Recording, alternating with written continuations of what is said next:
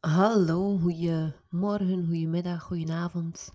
Afhankelijk van wanneer je deze podcast luistert. Blij dat je weer de tijd neemt om erbij te zijn. Ehm, ik had zo net een één op één sessie met een van de vrouwen die ik ondersteun. En die inspireerde me om een podcast op te nemen. Ehm, het ging onder andere over woede of boosheid voelen ehm, bij bepaalde situaties.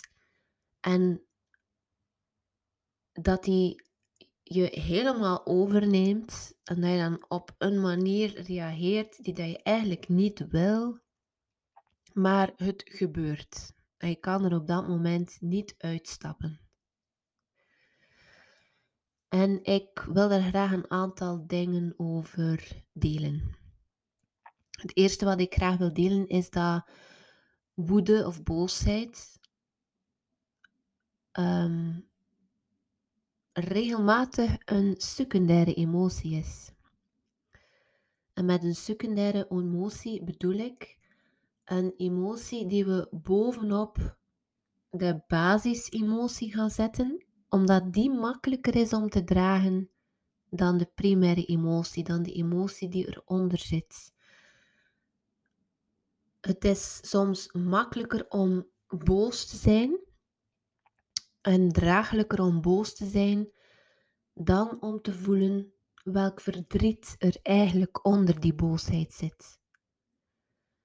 Of het is soms um, makkelijker om echt kwaad te gaan worden dan om te gaan voelen hoeveel angst er eigenlijk onder die kwaadheid zit.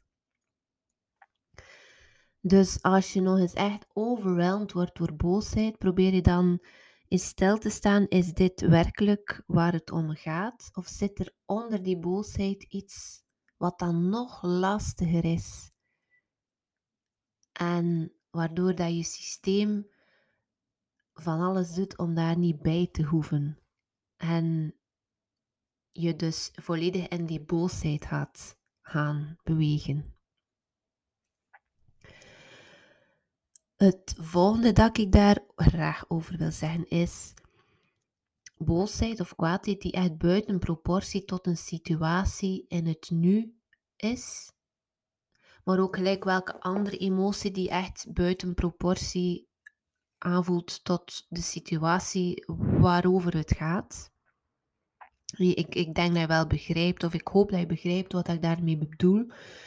Um, misschien is het wel het makkelijkste om de vergelijking te maken met een kind dat zich op de grond gooit omdat het de blauwe beker niet krijgt en wel een rode. We zouden daar kunnen bij bedenken dat dat buiten proportie is van de situatie, dat de emotie en de reactie die daarbij komt buiten proportie is tot de situatie. Nu, voor een kind is dat niet zo. Dat is op dat moment bijzonder erg voor dat kind. Of die trigger is een uitnodiging op, om opgestapelde spanningen en emoties naar buiten te brengen, omdat er op dat moment uh, ruimte of veiligheid is. Nu, als dat bij ons als volwassenen gebeurt, dan is het gevoel dat je op dat moment ervaart, heel vaak heeft, die, heeft dat een link met iets van vroeger. En reageer je dus eigenlijk vanuit een kindstuk. Al dan niet bewust. En het gevoel dat je dan hebt, voelt als huge, enorm, overwhelming. Je kan daar niks mee. Het is te groot en je kan er ook geen vat op. Je hebt er ook geen vat op. Het, het neemt je helemaal over.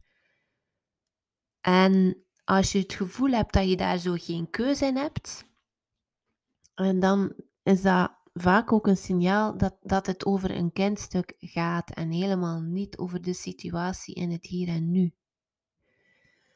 Um, misschien een voorbeeld geven, die zowel een voorbeeld is als over de primaire secundaire emotie, als over dat kindstuk dat aangeraakt wordt. Ehm, ik heb jarenlang een zeer oncomfortabel gevoel gehad als mijn man niet op een afgesproken uur thuis kwam. En dan hadden we daar ook woorden over, discussies over. En nog blijft dat een trigger voor mij. Maar wat aan mij geholpen heeft, is dat de boosheid die dat ik naar hem uitte, was een secundaire emotie. Het inzicht dat dat de secundaire emotie is en dat hetgeen eronder zat, was het stuk verlatingsangst en was de pijn en het verdriet van zoveel alleen geweest te zijn vroeger. Van de pijn van ehm, mijn papa die naar niet naar huis kwam s'avonds en ik die alleen thuis kwam. Of ik die alleen thuis zat.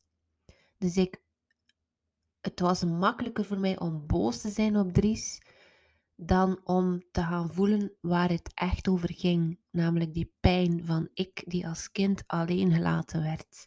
De angst van ik die als kind alleen gelaten werd. En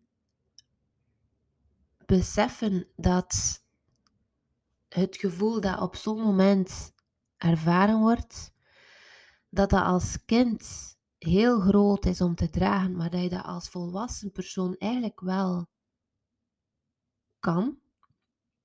Dat kan helpen om ehm, in zo'n situatie daar eigenaarschap over te nemen.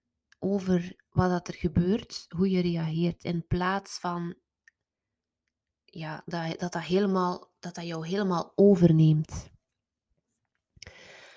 En als je uh, geholpen bent bij beelden, als je een, een beelddenker bent of als dingen visualiseren je helpen, dan kan je bijvoorbeeld jou inbeelden.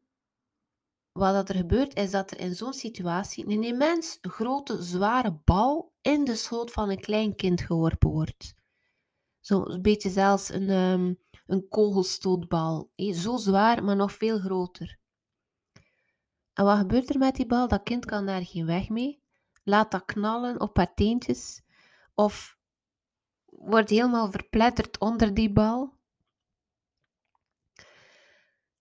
En wat dat je kan doen is, in eerdere afleveringen heb ik verteld over de deelpersonen in jezelf. Je hebt je pure kind, je hebt je gekwetste kind, uh, je overlevende kind, de geworden volwassene en de liefdevolle ouder. Je kan je visualiseren dat dat, kleine kind, die, dat gekwetste kind, die bal niet hoeft te dragen, maar mag doorgeven aan de liefdevolle ouder in jezelf. En als je dat voorstelt, die bal die zo groot en zo zwaar is voor dat kleinkind, als dat in de handen komt van een volwassen persoon die in zijn kracht staat, die in haar kracht staat, en zelfs nog een stukje meer, het moment dat je die bal gaat opvangen, dat je echt nog groter wordt en je nog krachtiger en gegronder voelt, dan is die bal bijna peanuts. Of misschien nog net zo een zware basketbal, maar wel ene die jij kan dragen. En jij hebt controle over die bal vanuit je volwassen stuk. En je kan die bal een rustzakje op je rug gaan steken en tegelijk dan de nabijheid geven aan dat gekwetste kinddeel van oeh, dat was heftig voor jou. Dat had jij alleen niet hoeven dragen. Maar kijk, ik ben hier nu voor jou. Ik zal dat groot overwhelming gevoel, ik draag dat voor jou. En het mag er zijn.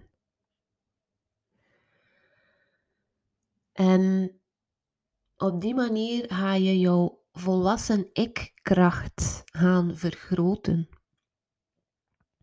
Want wat er kan gebeuren in zo'n situaties is dat je gaat rekenen op de ander, dat je jezelf gaat afhankelijk stellen van de ander.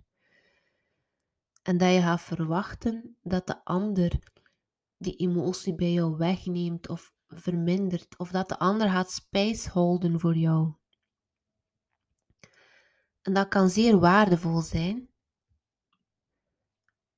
Een volwassenen die, een volwassen iemand mag er zijn voor jou, mag spijs houden voor jou. Maar we mogen niet vergeten dat elke volwassene ook zijn eigen kindstukken heeft. En als dat bijvoorbeeld gebeurt in jouw relatie, um, dan kan dat zijn dat die ander helemaal niet reageert zoals dat jij dat op dat moment nodig hebt. Zoals dat jouw liefdevolle ouder in principe zou moeten reageren. Omdat hij zelf in een trigger zit, zelf in een al dan niet bewust, onbewust of bewust kindstuk zit. Maar door dat visualiseren, je bewust te zijn van ik word hier in mijn volwassen leven, in het hier en nu, geraakt in een situatie die mij eigenlijk terug in mijn kinddeel brengt. En ik kan ervoor kiezen om daar vanuit mijn volwassen ik te gaan op te reageren en dat kinddeel in mezelf te spaceholden. Maar niet vanuit dat kinddeel naar de ander te gaan reageren. Dan kan dat heel erg helpend zijn. En ik besef dat dat niet zo evident is. Ik heb ook gezegd tegen de momenten waar, waarvan dat je bijna het gevoel, of waar, waarvan dat je voelt, ik heb hier geen controle, um, ja, dan zit je al in, in, in, die, in dat kindstuk. Um, en wat dat dan helpt, is je dit regelmatig voor te stellen in niet-trigger situaties. Als er echt een huge, overwhelming feeling is, een grote bal die dat jij met moeite kan dragen of die dat jou helemaal verplettert, stel je voor dat, dat die bal, dat jij die niet hoeft te dragen. Dat er ook een liefdevol stuk, een liefdevolle ouderstuk in jouzelf aanwezig is. Aan wie dat je die bal kan geven.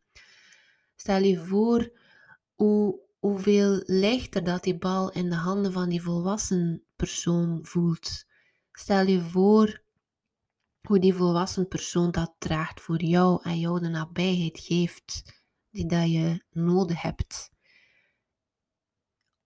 niet in triggersituaties, maar regelmatig. Waardoor dat je als je in een triggersituatie komt en je hebt jezelf dat al regelmatig zo voorgesteld dat het ook makkelijker zal zijn om de ruimte tussen de trigger en de reactie, die dat je soms controleloos in gaat gaan stappen, om die te gaan benutten, waardoor dat je wel controle kan nemen over je reactie. En als dat gebeurt tegenover iemand anders, kun je dat ook gaan benoemen. Van oeh, ik voel dat dat mij raakt en ehm, dat ik er even uit ga moeten, dat ik even ruimte nodig heb voor mezelf, omdat ik anders ga reageren met een lading die, die niet bij het hier en nu hoort, maar iets is van vroeger.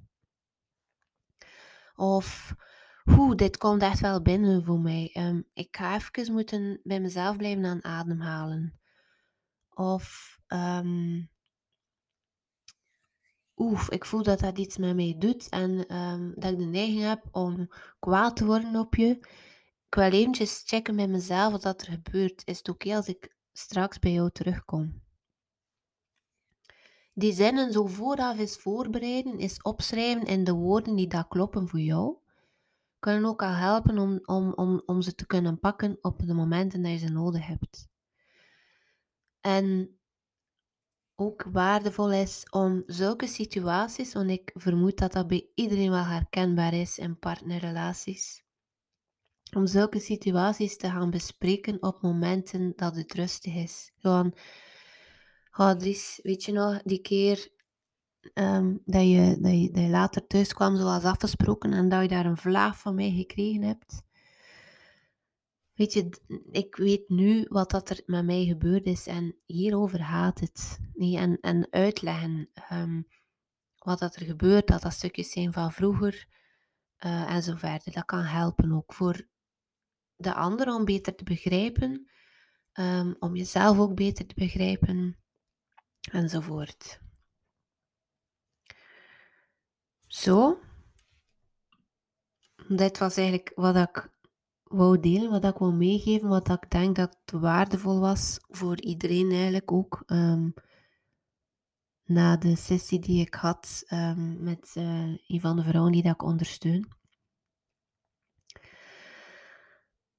Moest je na deze aflevering voelen, ik wil graag eens met Gade in gesprek gaan, dan ben je heel erg welkom voor een gratis groeigesprek. Je vindt de link daarvan in de omschrijving bij de podcast um, episode.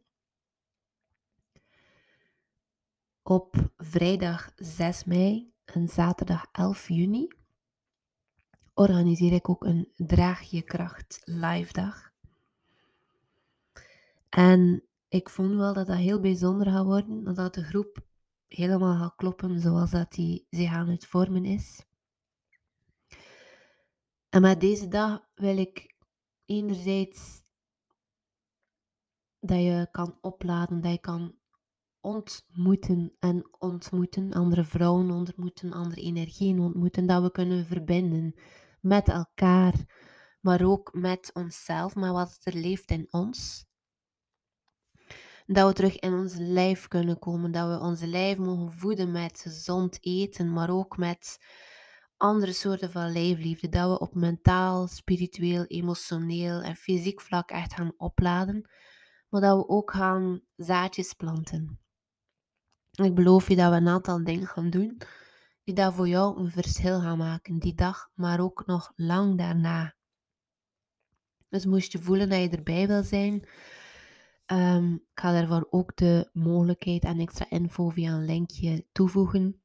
De inschrijvingen voor vrijdag 6 mei stoppen of sluit ik af op zondag 1 mei, omwille van het feit dat ik de aantal personen voor de catering moet doorgeven.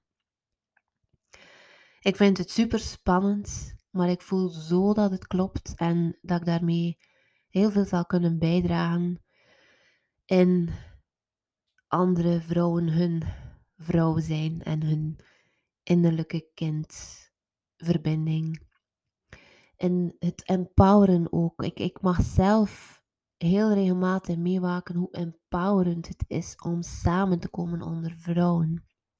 En dat wil ik ook echt mee in de wereld zetten. Dus als je voelt, dit is een uitnodiging voor mij, check dan zeker eens het linkje. Heel erg welkom. Dankjewel voor het luisteren. Ik hoop dat je er iets uit meeneemt. Ik vind het altijd fijn om te horen wat het je doet, wat je eruit meeneemt. Dus laat me dat zeker weten. Dat kan via een pb op Instagram of via een mailtje at hello at ook als je dit waardevol vindt voor andere vrouwen, delen is super lief. Dankjewel en heel fijne week gewenst.